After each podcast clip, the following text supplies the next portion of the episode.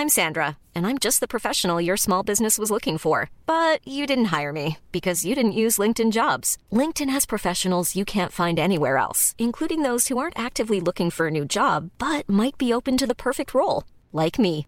In a given month, over 70% of LinkedIn users don't visit other leading job sites. So if you're not looking on LinkedIn, you'll miss out on great candidates like Sandra. Start hiring professionals like a professional. Post your free job on linkedin.com/people today. Millions of people have lost weight with personalized plans from Noom, like Evan, who can't stand salads and still lost 50 pounds. Salads, generally, for most people, are the easy button, right? For me, that wasn't an option. I never really was a salad guy. That's just not who I am. But Noom worked for me. Get your personalized plan today at Noom.com. Real Noom user compensated to provide their story. In four weeks, the typical Noom user can expect to lose one to two pounds per week. Individual results may vary.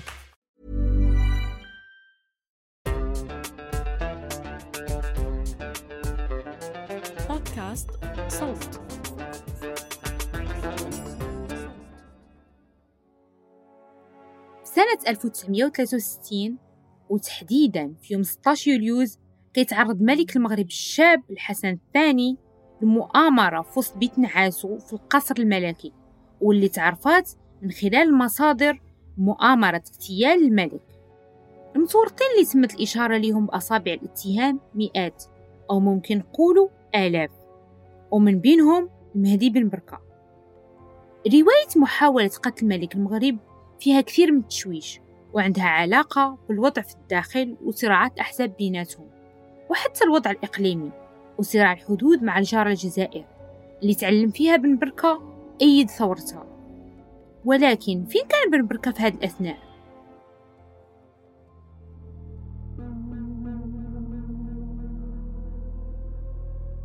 أهلا بكم في الحلقة الثانية من بودكاست أحراز موسم سنوات الجمر والرصاص أنا ميساء أجزنة نكملوا مع بعض رحلتنا بش ملف تاريخي الجريمة. تحاول بعض الأطراف طمس معالمها. إخفاء حقيقتها جريمة اختفاء السياسي المغربي اليساري المهدي بن بركة أثناء الاستماع للحلقات ربما تجدون مشاهد صادمة أو مؤلمة. لذا وجب التنويه.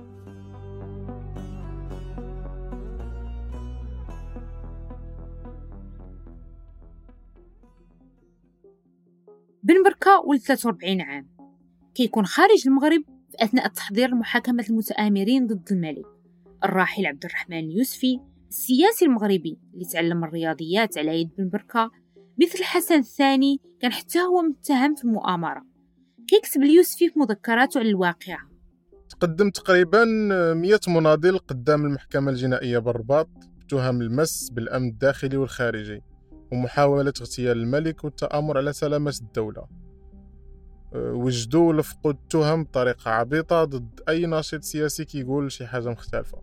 اليوسفي كان عضو في الحزب المعارض للسلطة في وقتها حزب الاتحاد الوطني للقوات الشعبية واللي كان بن بركة من مؤسسيه. هذا كيعني بأن بن بركة كان لا يخفي معارضته للسلطة المغربية الجديدة من نهار بدات رغم صداقته مع الملك الشاب ومعارضته للملك الأب الراحل محمد الخامس. والسؤال هنا علاش ما حاولش بن بركة يقدم الملك الحسن الثاني حلول وسط من البداية؟ حلول الأزمات السياسية اللي كانت كتمر بها البلاد بخصوص تباحث السلطة ودور الحكومة وشكل المغرب الجديد بعد الاستقلال. البشير بن بركة ولد المهدي كيحاول يجاوب. المهدي كان من من من رواد الحركه التحرريه في المغرب يعني الحركة الوطنية من أجل الاستقلال. وبعد الاستقلال كان من المسؤولين السياسيين الذين أرادوا بناء مجتمع جديد مغرب بعد الاستقلال مغرب التقدم والديمقراطية والحرية ولكن هذه هذه الإرادة واجهت إرادة مضادة من طرف النظام الملكي الشيء الذي أدى آخر الخمسينات إلى صراع إلى صراع بين. بين بين القوى الشعبية التقدمية في المغرب وبين النظام لكن الحسن الثاني كان عنده رأي مختلف وعاودنا تمثيل اللي كتبه في مذكراته. اللي وقع كان بالفعل مؤامرة في اعتقاد مدبريه ورغم أن تحضير المؤامرة اللي قاموا بها هوات إلا أن الحكم عليهم تم وفقا للمعايير اللي كيتعامل بها المحترفين. الخلاف بين بن بركة والأسرة الملكية في المغرب كان له جذور بعد الاستقلال عام 1956 لأن بن بركة حسب روايات ملكية كان يريد تسييس جيش تحرير المغرب إخضاع الجيش لسيطرة حزب سياسي. تم اختطاف واغتيال عباس المسعدي أحد مؤسسي جيش التحرير وكنا بصدد البحث عن حجاج المشتبه في قتل المسعدي ومجرد القبض عليه اعترف لينا. باللي قتل المسعدي ودانا للمكان اللي دفنوا فيه وقال قتلته بأمر من بن بركة. حسب شهادة الحسن الثاني بأنه تكلم مع بن بركة في الموضوع وهذا الأخير ما نفاش التهمة على نفسه كيكمل الحسن الثاني على قوله. من ذاك الوقت ما بقيتش كنحترمه بحال الأوقات اللي كان فيها أستاذي. الحسن الثاني أصغر من بن بركة ثمانية أو تسع سنوات. وصار ولي العهد بعد استقلال المغرب بعام واحد في سنة 1957 بعد تعيينه من والده محمد الخامس. سنة 1958 سبب التهميش كيثور الريف المغربي في الشمال ضد السلطان محمد الخامس اللي صار ملك لأن نظام الحكم تغير من السلطنة للمملكة. كيقرر ولي العهد ابن 29 سنة يمشي لمدينة تطوان للتعامل مع الانتفاضة.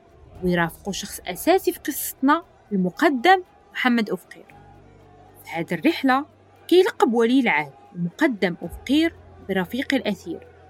كينجحوا الرجلين في القضاء على انتفاضة الريف بحسب المذكور في المصادر. بعد مجزرة تقتل وتعتقل فيها أكثر من 8000 شخص. ونتج على هذا النجاح الدموي ترقية أفقير لرتبة عقيد بعد ما قتل مئات وحرق منازل العديد من قيادات الانتفاضة.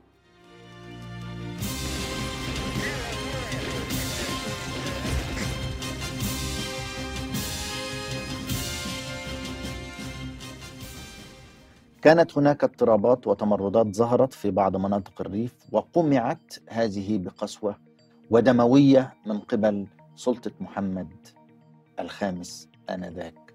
هذه الدموية وهذه القسوة بدأت تنفر جزء من الشعب المغربي من حكم السلطان من حكم الملك. لا هو هو هذا الشيء وقع قمع حركة الريف شيء يعني يكتب عنه التاريخ ولا وعشناه نعرفه نعرفه. هؤلاء كانوا مجاهدين ضد الفرنسيين قمعوا وقتلوا وتم مشهدوا لي مشهدوا لي ضربهم من الملك. أنا أنا متفق معك على شيء واحد وأنه كانت حركة قمع الريف كانت قاسية. مذكراتها كتوصف الراحلة فاطمة أفقير زوجة الجنرال أفقير شخصية الملك الحسن الثاني. علاقة فاطمة بالملك الحسن كانت قوية وكتوصل لدرجة الحميمية كيف ما كتوصفها. الحسن الثاني كان شخص متناقض بشكل كبير. هو كيعجبو الفلوس والماكلة الشهية والحاجات الثمينة واللي عندها قيمة كبيرة. واخا كان داير به أجمل الأثاث في القصر ديالو كان كياكل وهو جالس على السجادة الصغيرة للصلاة. لكن الصفة البارزة في الطبع ديالو واللي كتخوف بشكل خاص هي أنه ما كانش كيحترم حتى واحد. فهو ما كيترددش في أنه يحتقر الناس اللي قرب ليه والخدم ديالو. وإلا شاف شي واحد كيتجاوز الحدود ديالو كيقطع ليه راسو وينحيه. بن بركة ملي بدات أحداث الريف كتصاعد كيوجه ليه البعض الاتهامات بأنه كان متورط في المجازر اللي وقعت ضد أهل الريف. ورأي آخر كيعتبر بن بركة بريء من هذه التهمة. توجيه التهمة لبن بركة في أحداث الريف مرتبط بعضويته في حزب الاستقلال وهو الحزب اللي كان كينادي بالاستقلال على فرنسا. وحسب بعض التحليلات كان الحزب ضد كل ما هو أمازيغي عامة وريفي خاصة. وبن بركة كان في وقتها من قيادات هذا الحزب اللي كيمثل السلطة في البلاد. تورط سياسي كيجمع بين خصمين الملك وبن بركة. في نفس الناحية في مواجهة مع خصم جديد واللي هم ثوار الريف. اللي كتعارض مصالحهم مع مصالح هذا الرجلين السياسية.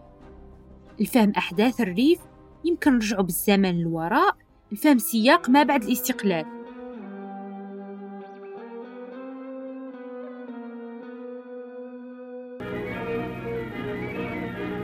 Asamblea Nacional Consultiva de Marruecos se reúne en sesión extraordinaria bajo la presidencia de Mehdi Ben Barka. بعد استقلال المغرب عام 1956 بن بركة جالس في وسط قاعة كبيرة وداير بيه عشرات الأعضاء من أول برلمان مغربي بعد الاستقلال. بن بركة هو أول رئيس للمجلس الوطني الاستشاري. المهدي نجم كيلمع سماء السياسة المغربية قبل وبعد الاستقلال. وهذا اللي كيأكدو مبارك بودرقة العضو السابق في هيئة الإنصاف والمصالحة اللي اشتغل على ملف قضية بن بركة.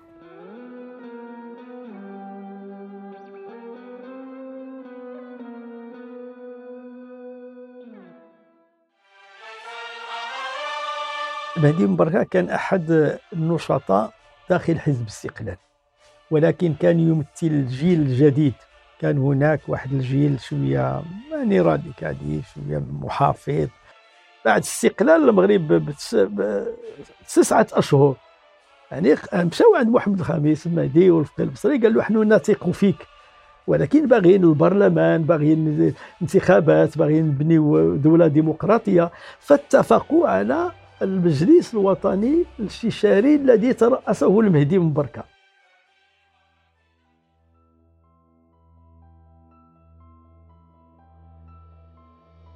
أصدقاء داخل الحزب الاستقلال كانوا من التقليديين وكانوا يريدون على أن نمشي على مراحل. هذا صوت الدكتور محمد النشناش طبيب وحقوقي وكان صديق البن بركة.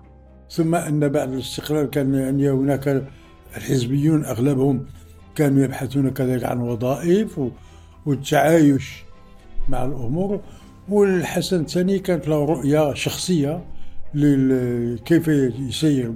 الأمور في البلاد فكما قال هو يوما ما أنا يمكن أضع سائق سيارتي كوزير. يعني لا كان الولاء له قبل الولاء للوطن. نشاط المهدي بن بركة السياسي عنده تاريخ طويل. الصحفي عبد السلام البسرغيني واحد من أصدقاء بن بركة اللي اشتغلوا معاه في الصحافة. وهو كيحكيو في عمره 92 عام أكثر على اللي عاشوا مع بن بركة. خلال سنة 49 أو 50 من القرن الماضي انعقد مؤتمر للطلبة في مراكش وحضرتها كجماعة طلبة من المغرب ومن الخارج ولاحظت شابا مملوءا حيوية. فسألت بعض الإخوان من يكون هذا الشاب؟ فقيل لي إنه المهدي مركة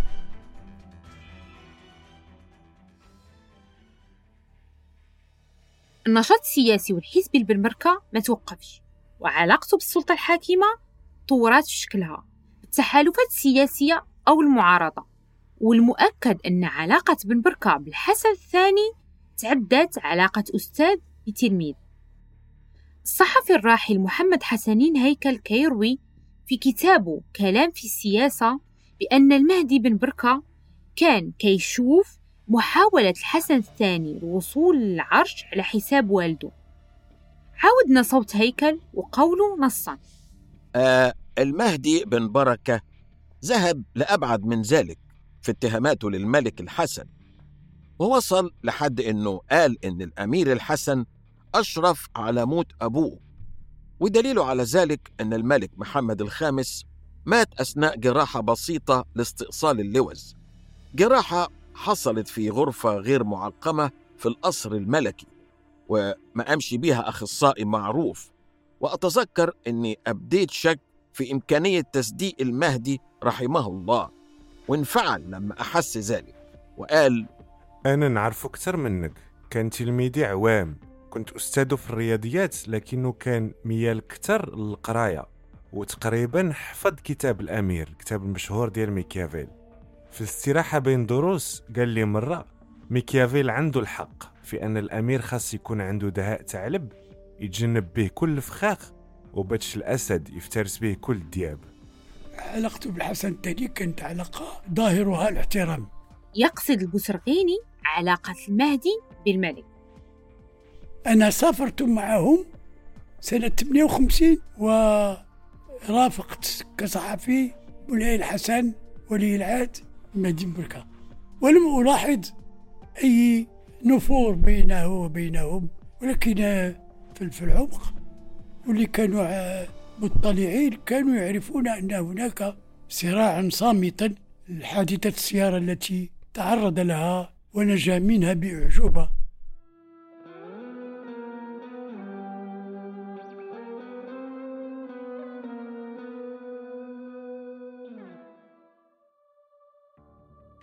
واحد النهار من أيام شهر نوفمبر عام 1962 في الرباط كيركب المهدي بن بركة سيارته متوجه لمدينة الدار البيضاء.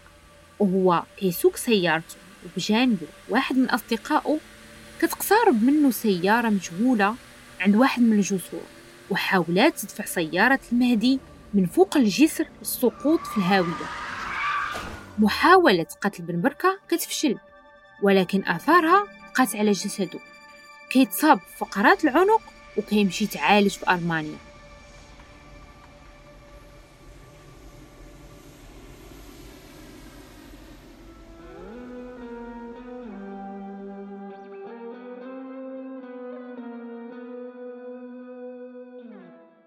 يا ترى من المسؤول على هذه المحاولة؟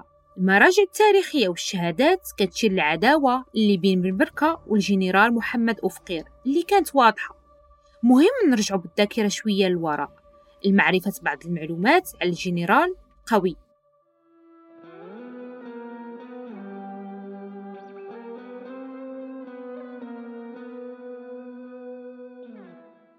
عام 1920 نفس العام اللي تولد فيه بن بركة كيتولد الجنرال محمد أوفقير في وحدة من مدن جنوب شرق المغرب على الحدود مع الجزائر. من صغره كيتعرف على أساليب التعذيب من والده. اللي كيشتغل في التجارة. كان والد أفقير كيعذب تجار القوافل بالخنجر لاعتراف بأماكن الذهب المخبي. كينجح أفقير الشاب في دراسته وكيلتحق بوحدة من المدارس العسكرية في الدار البيضاء. كيترقى الضابط في الرتب حتى كيلقى راسو في لحظة الحارس الشخصي لسلطان المغرب محمد الخامس بعد ما رجع من المنفى. كيتوصف أفقير بامتلاك والشجاعة فيها كثير من القسوة بدون حدود لأنه نتاج صافي للاستعمار. وكيحس بأنه مندمج بالجيش الفرنسي بشكل كامل. وهو ما كينكرش السنوات الماضية اللي قضاها في صفوفه.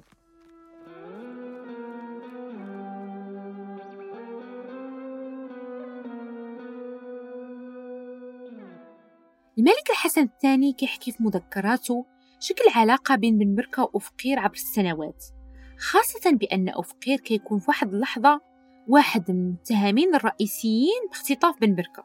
وفقير كان كيساعد المهدي بالمعلومات. كان كيقول ليه عندك الفرنسيين بغاو كدا وكدا. وكان كيعاونوا على الاختباء والتنقل. كانت بيناتهم شراكة حقيقية على الأقل لمدة عامين ونص.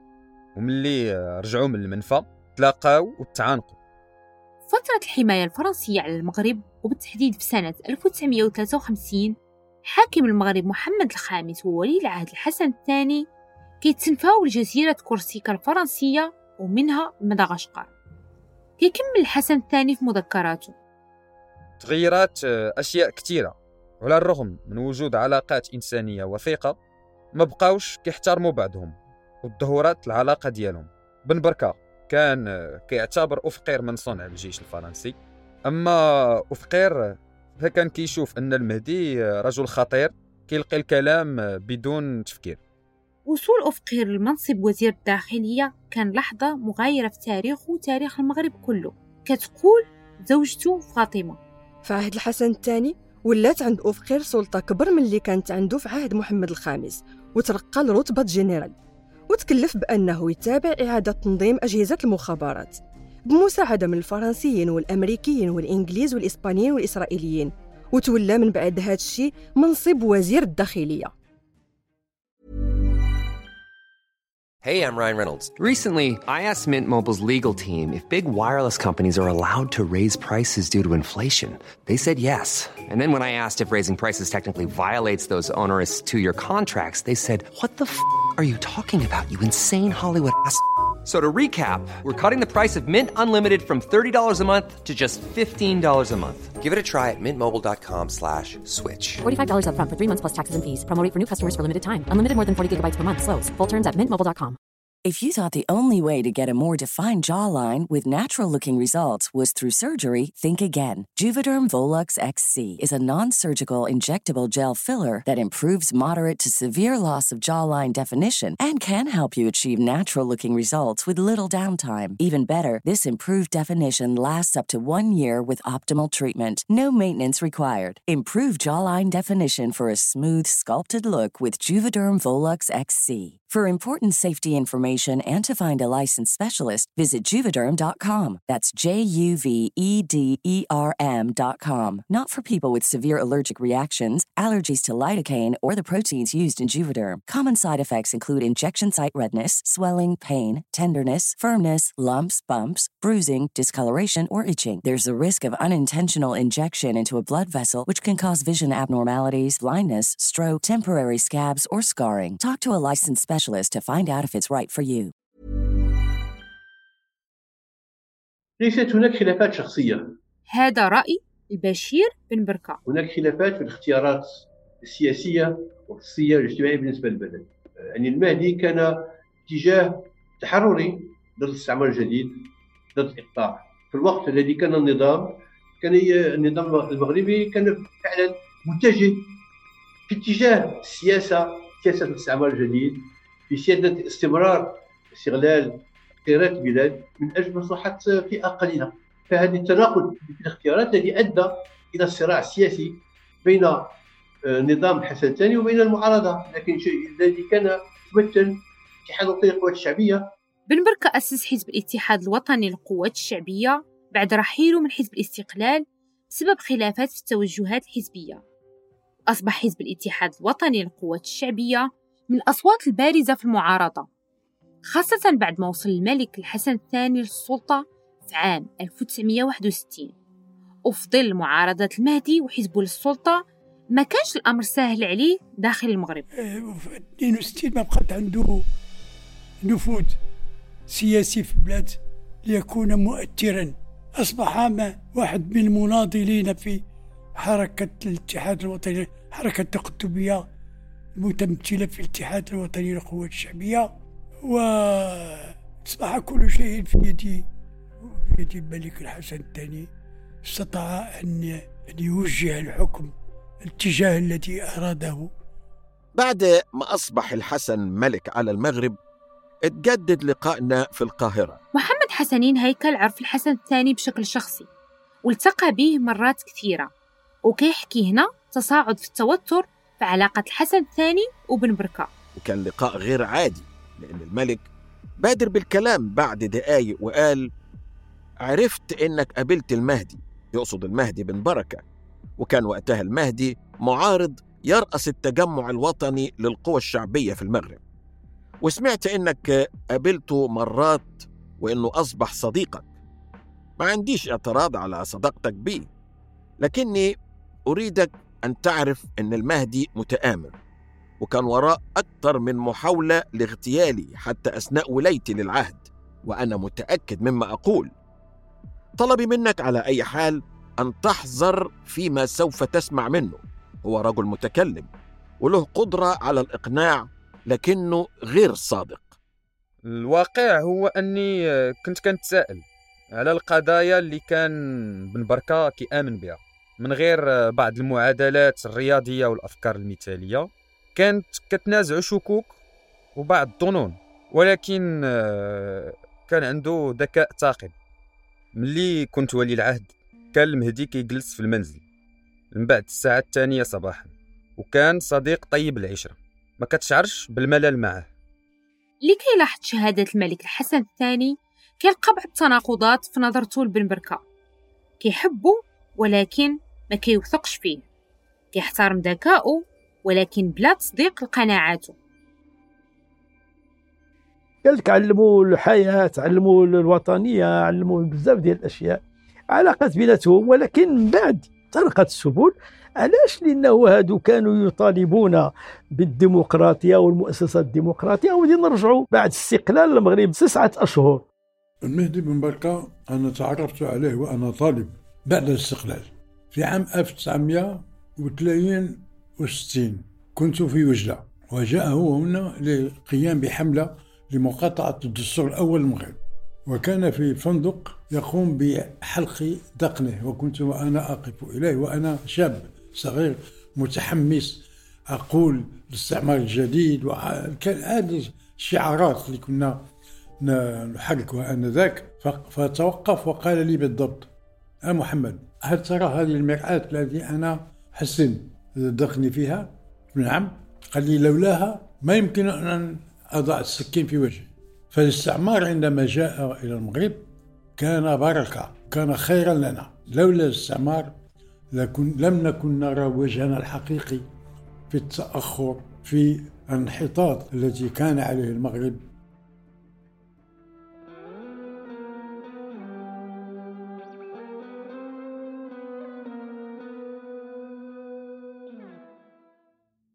في واحد من أحياء القاهرة كينتقل بن بركة وأسرته اللي عايش فيه في ظل رعاية رئاسية من الرئيس جمال عبد الناصر كيعيش مهدي متجول بين عواصم العالم المختلفة. بعد ما رحل من المغرب عام 1963 قبل بيوم واحد من إصدار الأحكام ضده بالإعدام كينظر أو كيشوف أبناء بن بركة لوالدهم وكأنه مجرد زائر.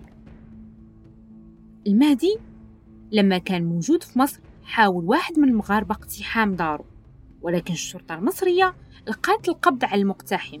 وقع أمر مشابه في جنيف. لما وقف شخص مغربي كيحمل بندقية عندها منظار وتستهدف نافذة دار المهدي.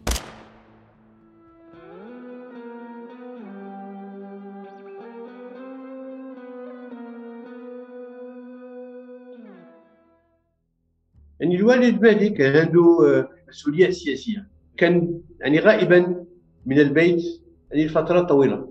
بما إنه يتحرك كثيرا كان يسافر ولكن في نفس الوقت كان أيضا مضطر للاقامه خارج المغرب لأنه كان متابع قضائيا في المغرب كان محكم عليه غيابيا مرتين.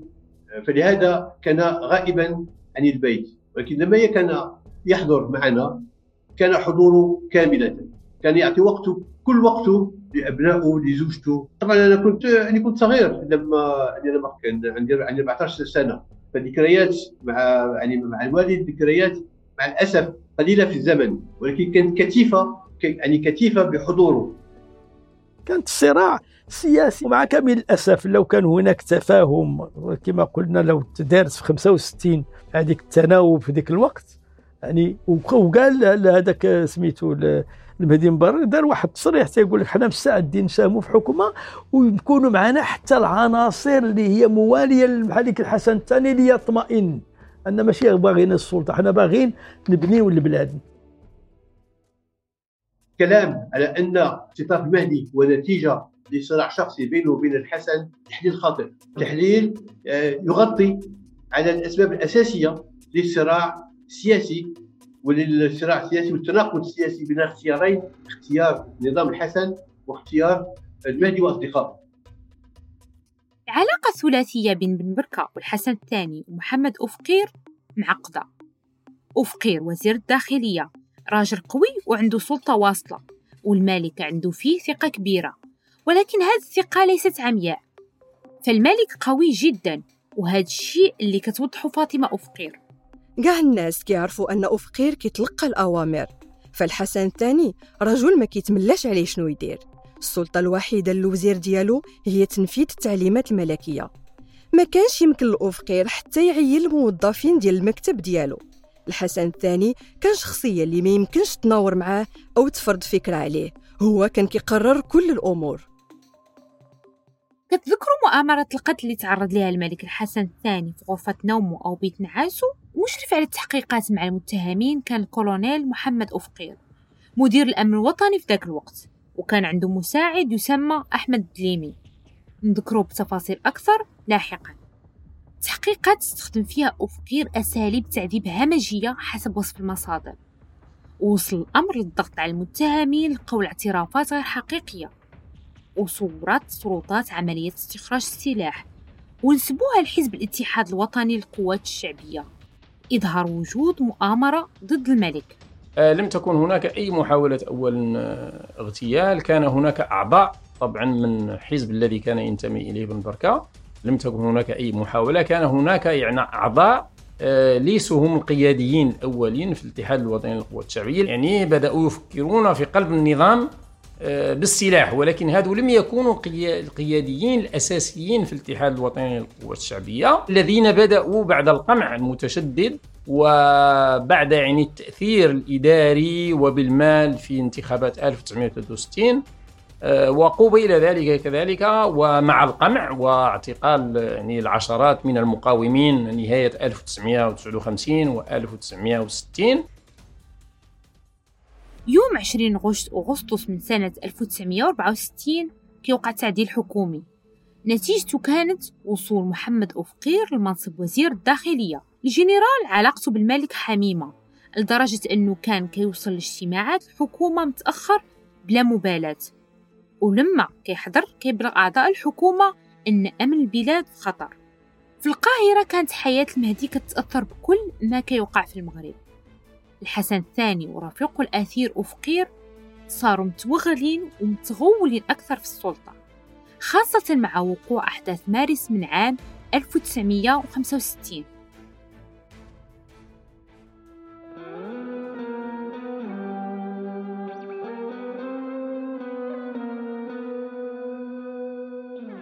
يوم 22 مارس 1965 كتمتلئ ساحات مدرسة محمد الخامس آلاف الطلبة في المرحلة الثانوية اللي كيوصل عددهم تقريبا 15 ألف طالب.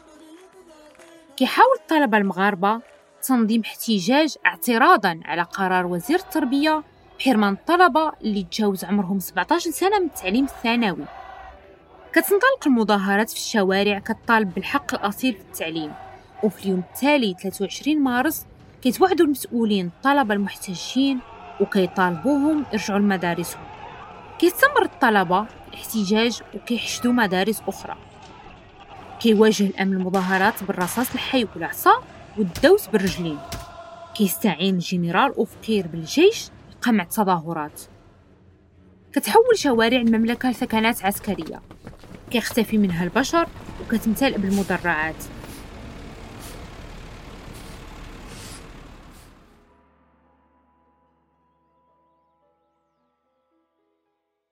الأوضاع مع نهاية مارس ولكن الضحايا كيقترب عددهم من الآلاف.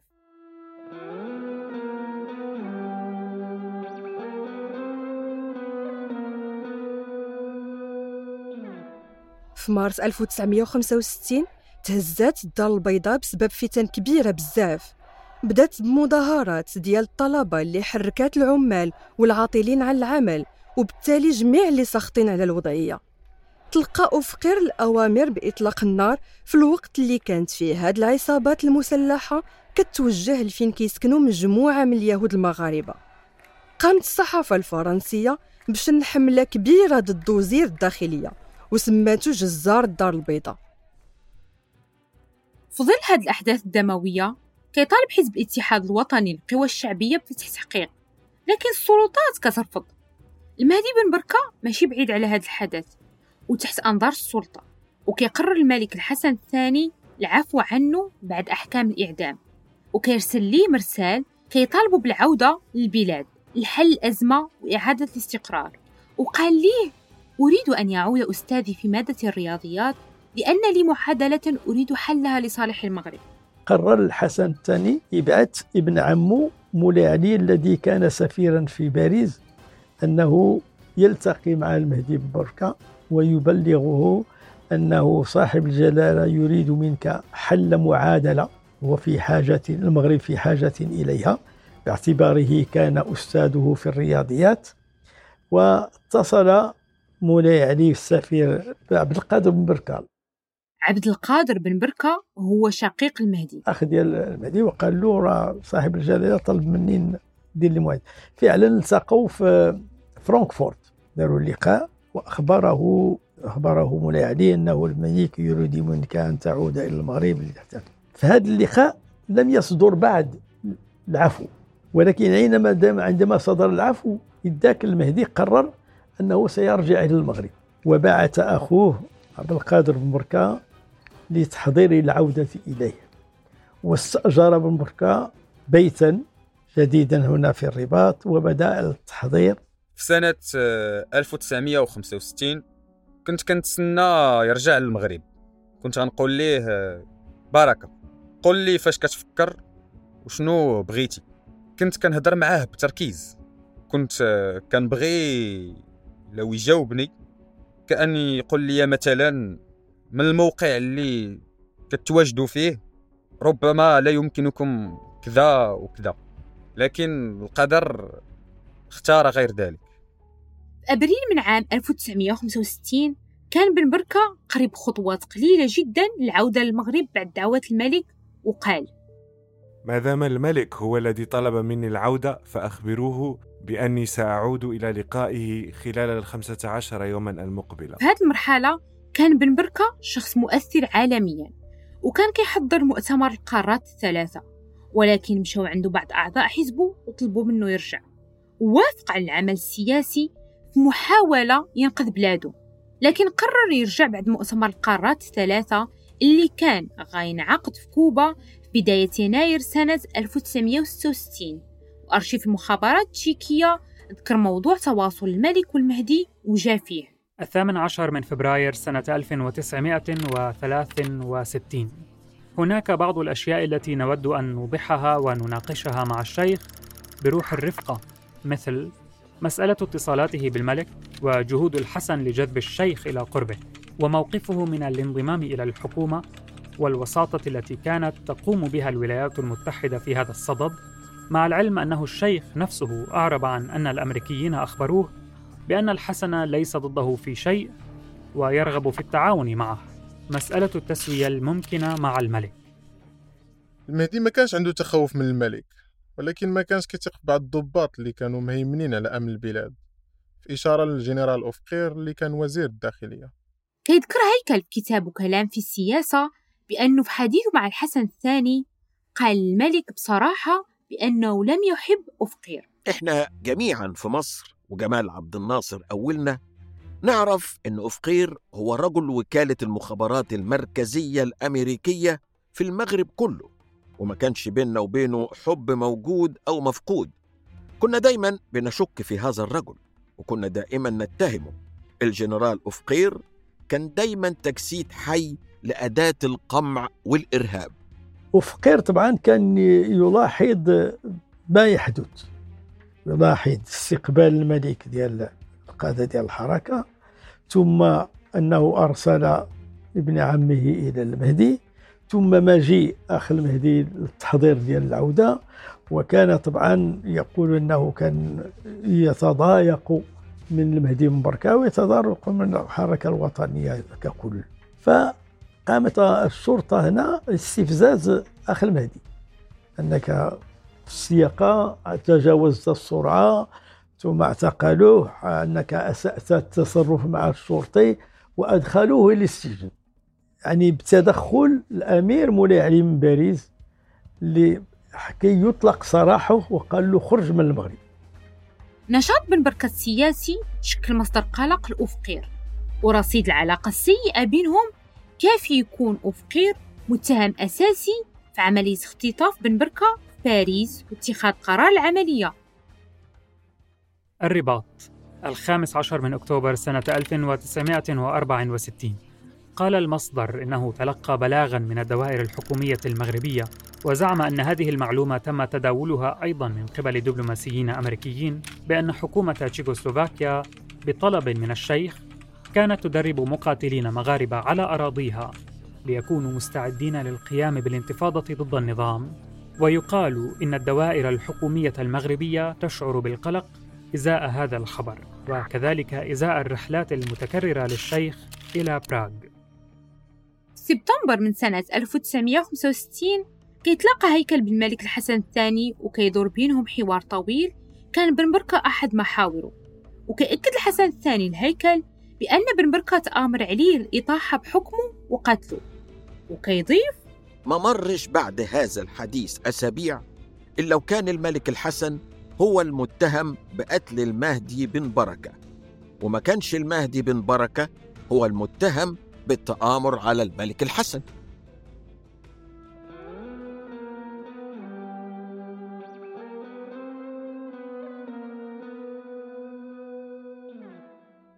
يوم 29 أكتوبر من سنة 1965 في باريس كيتم توقيف بن بركة وكيتخطف في سيارة وفي اليوم التالي كينتشر خبر اختفائه.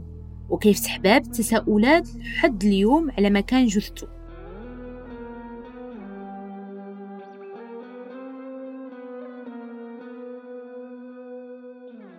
القرار السياسي اتخذ على أعلى مستوى السلطة المغربية على على مستوى القصر الملكي. والسلطة التنفيذية لهذه القرارات السياسية يعني وزارة الداخلية وإدارة الأمن المغربي. فالقرار السياسي تم تنفيذه من طرف وزير الداخلية محمد الافقير من طرف مدير الأمن أحمد الدليمي اللي كان اللي كان اللي كان يشرف على جهاز الأمن السياسي اللي هو الكاب 1 وفريق الكاب 1 هو الذي نظم فعلا يعني يعني عمليه الاختطاف عندما تقرأ مذكرات الحسن الثاني تيقول لك أنا الشخص المهدي مبركه الوحيد اللي يمكن يجي عندي ويدخل عندي بدون استئذان. أنا الوحيد أحترمه وأقدره مختلفين سياسيا ولكن أنا أحترمه ولا أسمح كيفاش المحيط ديالي أنه يقوم بعملية بحال هذه المسائل هذه ضد المهدي. بكل صراحة ما فكرتش في أي لحظة أن شي حد قريب مني يقدر يغتال بن بركة. مصلحة الدولة فوق كل اعتبار خصوصا أمام الرهان اللي كانت كتمثلو هذه القضية. ما كنتش كنعرف بأمر اختطاف بن بركة وكون عرفت كنت سأعلن إدانتي له. ولما تسأل الحسن الثاني على أفقير واش أو هل واجهوا بواقعة خطف بن بركة؟ قال أفقير من قدماء خدامنا وكنت سولته أفقير شنو كنسمع واش عندك جنب في هذه القضية؟ جاوبني. مشيت لباغي نهار واحد. ورجعت في نفس النهار. وقسم لي أنه ما كان عنده حتى دخل في القضية. وقال لي أنه هو على أتم الاستعداد. يسلم راسه العدالة بمجرد ظهور دلائل ضده. كلام الحسن الثاني كيوضح الغموض اللي كيرتبط بحادثة اختفاء بن بركة لحد اليوم. الملك كان في على نفسه التهمة. وأنه ما كيعرفش بالأمر أصلا. وروايته على أفقير كتخليه بريء. ولكن شكون أو من هو المتهم؟ وعلاش؟ أو لماذا أفقير كيظهر في المقدمة دايما؟ أظن لأن أفقير هو الذي كان في الواجهة في الميدان آه، والذي توجه إلى باريس مع الدليمي يوم 30 أكتوبر الذي حكم عليه من طرف من طرف القضاء الفرنسي. أظن هذا يعني هذا هو السبب آه، الذي يجعل افقي في الواجهه بالنسبة للكل أصبح يعني من السهل التكلم على على قضية المهدي وترفيق كل مسؤولية إلى افقي الدليمي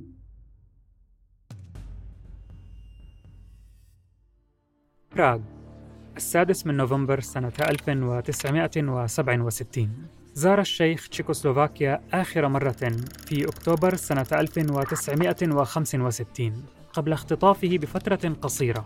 في ذلك الوقت كنا قد فكرنا في توسيع التعاون الاستخباراتي معه أي أن الشيخ سيختار أشخاصا موثوقين. سيتم تدريبهم في تشيكوسلوفاكيا للعمل الاستخباراتي. وتلقى الشيخ تدريبا لمدة عشرة أيام في طرق الاتصال السري والعمل الاستخباراتي وغيرها. بعد مغادرته إلى باريس في أواخر أكتوبر سنة 1965 اختطف الشيخ ويفترض أنه قتل على يد وزير الداخلية المغربي أفقير. في التاسع والعشرين من أكتوبر سنة 1965 بعد مرور عامين على اختطاف الشيخ دون أي دليل يثبت وجوده على قيد الحياة يتم أرشفة هذا الملف لمدة عشرين عاما. وزارة الداخلية التشيكوسلوفاكية. أنا لا أعرف ولا يعرف أحدا من أخفاها.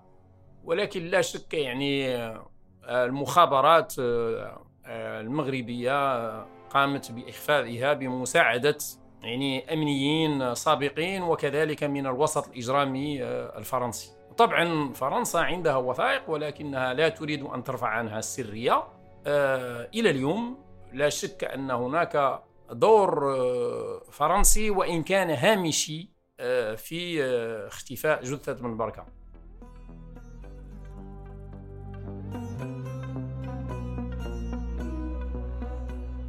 انتظرونا في الحلقة القادمة فتح ملف السلطات الفرنسية المتورطة جريمة اختفاء بن بركة ورسم مفصل لمشهد الجريمة اللي ما زالت لغز لحد اليوم. كنت معكم تقديم ميساء الجناي من الكتابة والإنتاج أحمد إيمان زكريا وشارك في تحضير المقابلات وإنجازها ياسر المختوم من التحرير تالا العيسى وتالا حلاوة تدقيق المعلومات حنين صالح من الإخراج الصوتي حسام علي. فريق التسويق والنشر غسان يونس بيان حبيب عمر خطاب محمد ياسر. يمكن لكم الاستماع لجميع حلقات الموسم دفعة واحدة إذا اشتركتوا على صوت plus. بودكاست أحراز من إنتاج صوت.